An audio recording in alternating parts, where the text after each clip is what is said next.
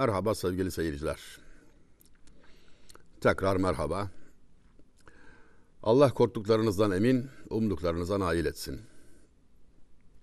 Her iki cihanda mahcup olmaktan muhafaza etsin. Haysiyetimizi rencide etmesin. Irzına adayı bedhahın bile verme halel. İster isen hıfte de ırzın hüdayı lem yezel diyor şair. Kimseyi incitmezsen, haysiyetini rencide etmezsen, onurunu kırmazsan yani, senin de onurun kırılmaz. Eski bir meseldir, herkes bilir, öteden beri söylenir. Ta ezelden söylenir halkın dilinde bu mesel, celbeder insana elbette mükafatı amel. Elbette yaptıklarının karşılığını bulursun. Müstakim ol, Hazreti Allah utandırmaz seni diyor şair. Kim derseniz Sayit Paşa, Diyarbakırlı Sayit Paşa. Sevgili dinleyenlerimiz, seyircilerimiz, hem seyreden hem dinleyen, Sami'in-i kiram hazaratı, eskiler öyle derlerdi, saygıdeğer dinleyiciler falan demek. İnsan gündelik hayat içinde gördüğü, yaşadığı hadiseler ve tanıdığı kişiler hakkında pek derin düşünmeyebiliyor. Ayrıntılar gözünden kaçıyor belki. Fakat zamanla o gördükleri kişiliği inşa ediyor. Bunu fark ediyorsunuz epey yaş ilerleyince. Gündelik işlerin telaşı, hayatın akışı, telaşlar gözden nihan etse de aslında etrafımızdaki insanların davranışlarından, hareketlerinden, sözlerinden çok etkileniyoruz. İnsan böyle bir yaratık. Etkileniyor, istifade ediyor. O yüzden der ki eskiler Allah iyilerle karşılaştırsın. Çünkü iyi örnek gördükçe iyi olma ihtimali artar insanın. Model görür, özenir, imrenir, benzemeye çalışır. İyilerle beraber olmak, sıkça ve ağırlıklı olarak iyilerle görüşebilmek cidden büyük bir saadet, büyük bir devlet. Cihanda cennetül meva muvafık yarla hemdemdir. Muhalif şahsa yar düşmek bu alemde cehennemdir. Bu dünyada cennetin gölgesi iyilerle dostluk etmektir. Cehennemin iz düşümü kötülerle beraber olmaya mahkum olmaktır diyor. Dediğim gibi hadiseler yaşanırken gözden kaçıyor ama sonra çok sonra fark ediyor insan. Bir örnek kendi hayatımdan tanıdığım, gördüğüm bir örnek sunmak istiyor ve size hatırlatmak istiyorum. Evvela kendim hatırlayıp çocuktum 10 yaşında, 11 yaşında filan. İlkokul yeni bitmiş. Ortaokula kayıt yaptırmışız. Biraz erken girdiğimiz için okulda erken bitti. O yaz tatilinde ilkokuldan ortaokula geçtiğim dönemde camiye gitmeye alıştık. Alışmaya başladık. Özeniyordum. Çok severdim. İmamımız vardı. Çameli Merkez Camii imamı Molla Mehmet Hoca. Müezzinimiz vardı Fazlı Hoca. Benim en yakın dostlarım işte onlardı. 55 yaş birisi büyük benden, 65 yaş birisi büyük. Ama ben onlarla kankaydım. Onları dinlerdim. Bana anlatmayı da severlerdi.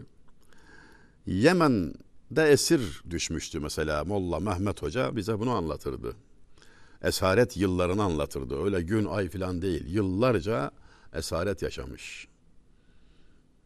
Öyle acı tablolar anlattı, aktardı ki Mesela bir defasında şöyle bir durumla karşılaştıklarını anlattı. Takım halinde askerler ilerliyoruz, çöldeyiz. Bir yerden bir yere doğru gidiyoruz. Esaret şartlarında kurtulmaya çalışıyoruz. Hayli zor.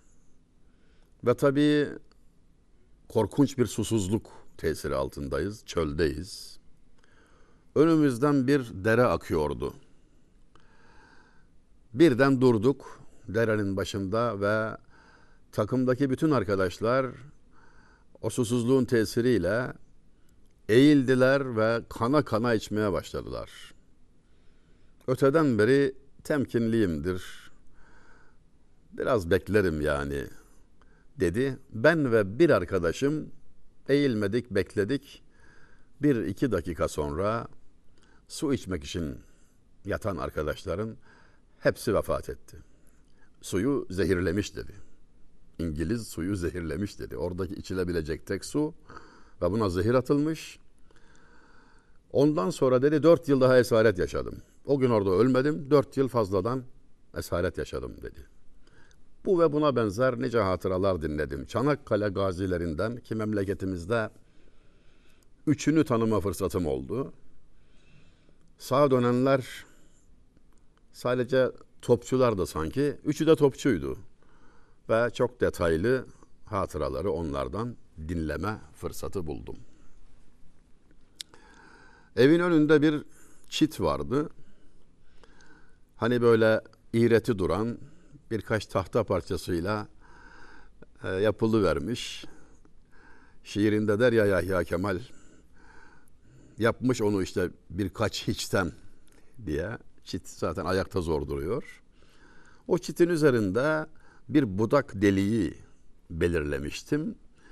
Ne zaman evin gölgesi o budak deliğinin dibine gelse ikindi namazının vakti girmiş olurdu. Fazlı Hoca'nın geçişini görürdüm. Gölgeden takip eder ve her defasında onunla birlikte gitmeye çalışırdım. 25 yıl maaşlı olarak ondan sonra da bir 25 yıl fahri olarak müezzinlik vazifesini yaptı ve 96 yaşında bundan 8 sene kadar önce göçtü. Dediğim gibi yakın arkadaşım gençlerin seveceği tabirle kanka idi. Çok dokunaklı bir sesi vardı. O sesi duyduğum zaman içim ürperirdi. Sıkça camiye gidiyor olmamdan dolayı tabii ki isim vermeyeceğim.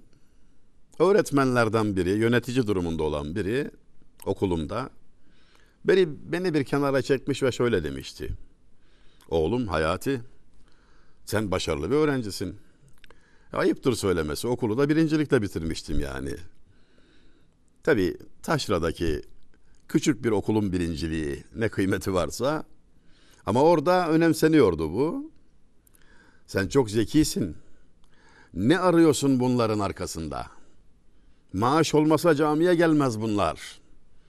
Filan diyerek beni oradan soğutmaya çalışıyordu. Camiden, Molla Mehmet Hoca'dan, Fazlı Hoca'dan beni soğutmaya çalışıyordu.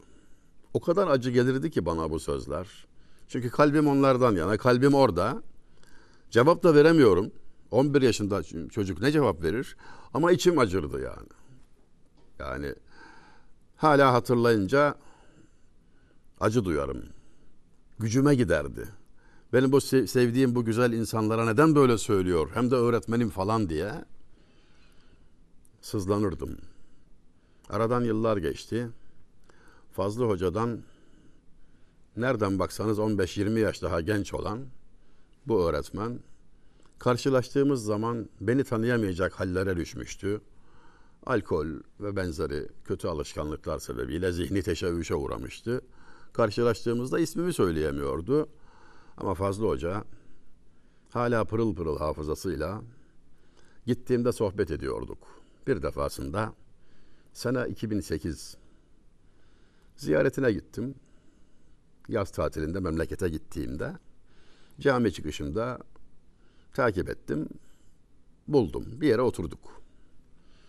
O günlerde hoca bütün mal varlığını sarf ederek, vakfederek ilçe merkezinde bulunan eski caminin yerine yepyeni kubbeli bir cami yapılmasına ön ayak olmuş.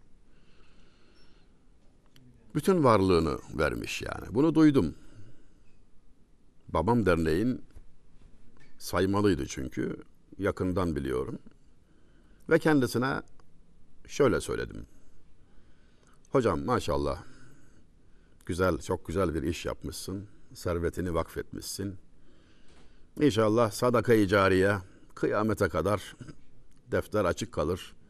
Sevap yazılır sana dedim. Sevinmek şöyle dursun, ağlamaya başladı. 90'lık adam ağlıyor. Bekledim. Çocuk gibi çekneye çekneye içli içli epey ağladı.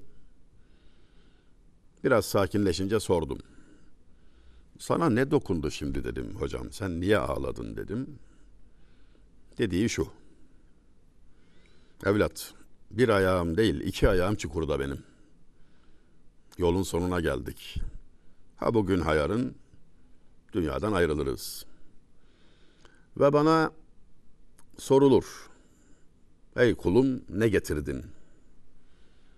Ben de dersem ki işte bu camiyi yaptırdım ya Rabbi böyle bir senin rızan için böyle bir hizmetim oldu dersem ve bana şöyle denilirse sen onu gösteriş için yaptın. İnsanlar sana cömert desinler diye yaptın. Ben sırları bilen Allah'ım.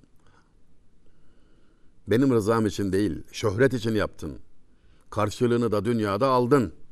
Burada bir karşılık yok denilirse benim halim nice olur dedi. Yine ağladı. Şimdi işte samimiyet dediğimiz, ihlas dediğimiz hal. Kırklı, ellili yaşlarındayken maaş olmasa camiye gelmez diyerek beni caydırmak isteyen öğretmen görse kim bilir ne derdi ama bu ihtiyar her şeyini verdikten sonra eğer niyetim düzgün değilse bir işe yaramaz ki riya ehli olmaktan, iki yüzlü olmaktan, insanlara gösteriş yapıyor olmaktan korkuyorum. Kalbimde böyle bir niyet bulunmasından ve bununla zehirlenmekten korkuyorum diye ağlayan bir ihtiyar. Hadi sırrı sizden saklamayayım. Sonra biraz daha ağladı. Baktım bu defa sebep başka. Dedim Fazlı Hoca sen şimdi niye ağladın? dedi ki evlat biliyorsun seni çocukluğundan beri tanırım dedi. Eh, geriye doğru bir 50 yılımız var tabii. Benim dedi çocuklarım, torunlarım çok sayıda dedi yani. Say desen sayamam dedi.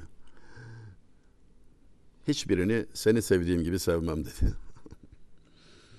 Bu dedi Allah tarafından bir aşk dedi. Ben seni öyle severim dedi. 1981 yılında evlenmiştim. Ben 20 yaşındaydım. Düğün gecesi camide yatsı namazını kıldıktan sonra hocayla beraber eve gitmiştim. Onu hatırlamış. Bunca yıldır burada vazife yaparım. Gerdek gecesinde camiden eve giden başka damat görmedim dedi. Ağladı. Aradan geçti bir iki yıl. 2010 yılına geldik. Bir gün telefonum çaldı. Ankara'dayım o zaman. Babamla beraber beni arıyorlar. Ara Hayati demiş. Ben onu anlatayım demiş. O beni anlar demiş Fazlı Hoca. Anlatılacak şey ne? İlçemize bağlı yani Denizli Çameli ilçesine bağlı Emecik köyünde küçük bir cami var. Medrese diyorlar ona. Medrese denmesi orada bulunan Hacı Ahmet Efendi hocalık yapıyor, talebe yetiştiriyor. O talebelerden biri de Fazlı Hoca. Amcası ve hocası. Kabri de orada. Geçen sene ziyaret nasip oldu. 1935 yılında vefat eden amcası ve hocası olan Hacı Ahmet Efendi'nin kabrinin başından beni arıyor. Oradaki duaya iştirak etmemi istiyor. Kendisi gelmiş 92 yaşına. 35 yılında vefat etmiş ki var hesap et. 75 yıl önce hocası ve bu vefa ile üstelik bizimle de bir bağlantı kurarak muhabbet su gibi ihtiyaç duyduğumuz ancak son yıllarda modern çağlarda haylice kaybettiğimiz, yıprattığımız bir değer. Bu sevginin arka planında dünyaya dair hiçbir şey yok. Dünyalık, şöhret namına hiçbir şey yok. Sadece samimi olarak birbirine dua etmek var, hayrını, iyiliğini istemek var, usulca, kibarca, nazikçe nasihat etmek var. Ben o yıllarda cami avlusunda bu hocaları dinlerken onların kendi aralarındaki gündelik sohbetinden bahsediyorum. Böyle ciddi ders falan değil bu. Havadan sudan konuşuyor insanlar. Bazen dedem gelirdi köyden. Ahbab idi. Fazlı hocayla. Onlar konuşurlar ben kenarda dinlerdim. Yaşım 11-12. Can kulağıyla. Her kelimeden bir şey kapardım, bir şey alırdım. Peki ben bunları niye anlatıyorum? Bugünün insanına bir şey demek istiyorum da ondan. Hepimiz yeri gelince gençler, bizden sonrakiler, çocuklar, hele bir de çirkin bir isim koyduk Z kuşağı bilmem ne falan diye. Çok canımı sıkıyor bu tabir, sizi bilmem. Ne demek Z kuşağı? Benim torunum, benim evladım ya. Yani böyle bir kategorizasyon, bir isimlendirme, onlar bilmem ne kuşağıdır, yapar falan gibi. Yani samimiyetsiz ve art niyetli geliyor bana bu yaklaşım. Hiç ta, tasvip etmediğim bir anlatım biçimi. Benim torunum yani. Ne kuşağı? Sensin kuşak. Onlara ne vereceğiz? Onlarla nasıl gönül bağı kuracağız diye haliyle ve haklı olarak dertleniyoruz. Dertlenmeliyiz de zaten. Yani bu bizim sorumluluğumuz. Ama pek yolunu bilemiyoruz. Kolayını bulamıyoruz sanki. Belki şuradan başlamak faydalı olur. Ne zaman ağzımız açılsa eğitim sisteminden, eğitimcilerin verimliliğinden ve kalitesinden şekva ederiz ya. İşte bu başlamadan evvel şunu düşünmeliyiz. Çocuğun baş öğretmeni anne. Anneden alıyor temel değerleri. Pırıl pırılken ruh dünyası, kalbi, taptazeyken ona verilenler mermere yazılan yazı gibi kaldığı o günlerde 3, 4, 5, 6 yaş civarında her şeyi anneden alıyor. Anne baş öğretmen, baba ikinci öğretmen, hiç şüphesiz ki ikinci derecededir. İkisinin arasındaki ilişki biçimi de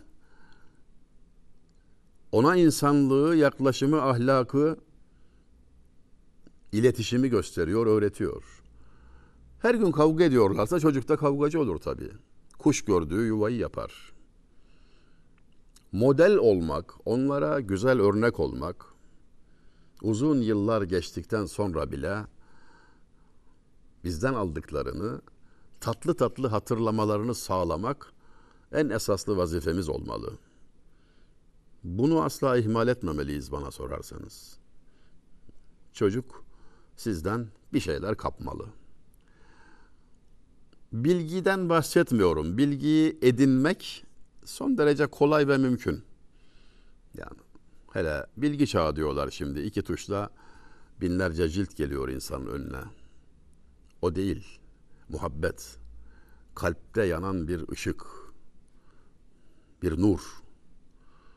Bir iştiyak. Bir heves, bir heyecan.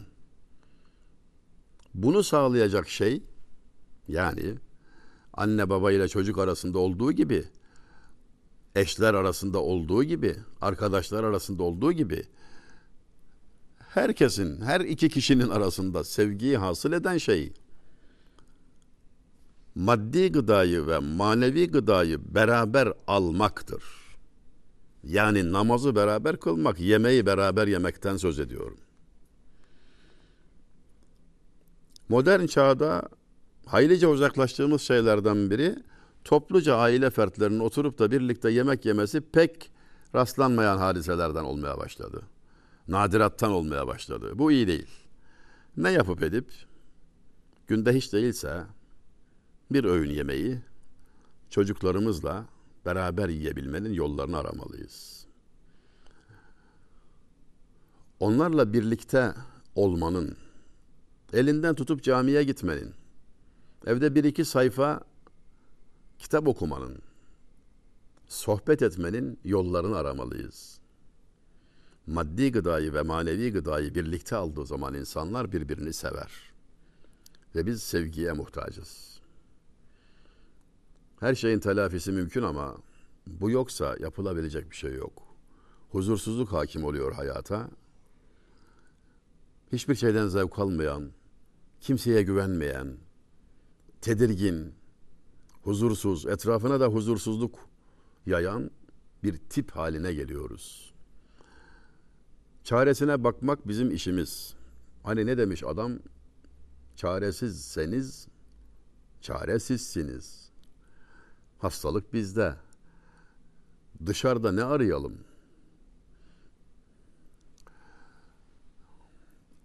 Kendimizi düzelttiğimiz ölçüde iyi bir eğitimciyiz.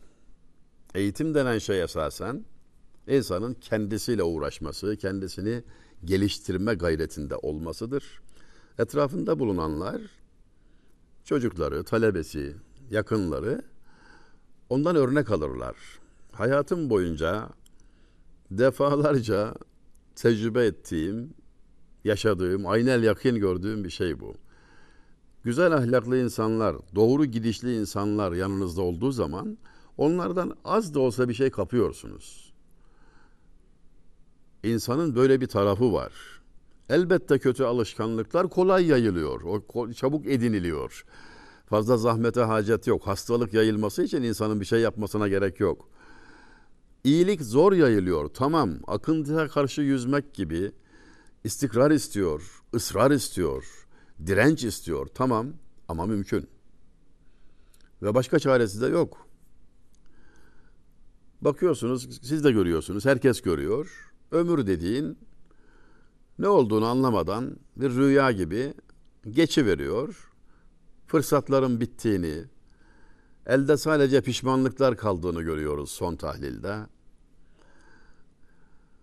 Budur dadu sitadı dehirden sudu ziyan ancak hezaran arzudan bir peşiman olduğum kaldı. Dünya pazarında alışveriş yaptım diyor. Aldık sattık aldık sattık işte. Son tahlilde bir hesap görelim dedim. Baktım. Şunu gördüm. Binlerce arzu beslemişim. Elde pişmanlıktan başka bir şey kalmamış. Gelmiş yolun sonu ben gidiyorum. Kalanlara selam olsun. Biz bu yerden gider olduk. Kalanlara selam olsun. Bizim için hayır dua kılanlara selam olsun. Sevgili seyircilerimiz, elimden geldiğince hayatımda kendilerinden etkilendiğim, faydalandığım, güzellikler devşirdiğim kişileri anlatmaya çalışacağım. Arda arda bir iki programda niyetim bu. Bütün bunda bunlarda bir özlem var, bir hasret var. Gittiğim zaman geride kalanların rahmetli bir hayrını görmedik ama güzel şeyler anlatırdı. Şöyle şöyle tarafları da vardı. Mesela torunlarımın hani bizimle bazen oturur sohbet ederdi. Camiye falan giderdik. Sahura beraber kalkardık. Bize anlatırdı. Eskilerden anlatırdı. Nur içinde yatsın. Allah rahmet etsin. Demelerini sağlamak için yatırım yapıyorum. Yani benimki bir bencillik. itiraf ediyorum ama başka çarem yok. Yolun sonu görünüyor. Başka çarem yok. Akranıma, bizden daha genç olan anne babalara tavsiye ediyorum ısrarla ki kaptırmasınlar modern hayatın rutinine. Biraz dikkat, biraz uyanıklıkla, biraz fedakarlıkla hem kendilerine hem etrafındakilere faydalı olmak için rutinin dışına çıkmayı, yatma kalkma saatlerini şöyle bir ayarlamayı, kitaplara eğilip, onlardan aldıklarımızı çocuklarla da paylaşarak hayatı güzelleştirmeyi önemseyelim, üzerinde çalışalım. Ömür nasıl olsa geçiyor, gelin böyle güzel geçsin demeye getiriyorum yani. Şimdilik Allah'a ısmarladık.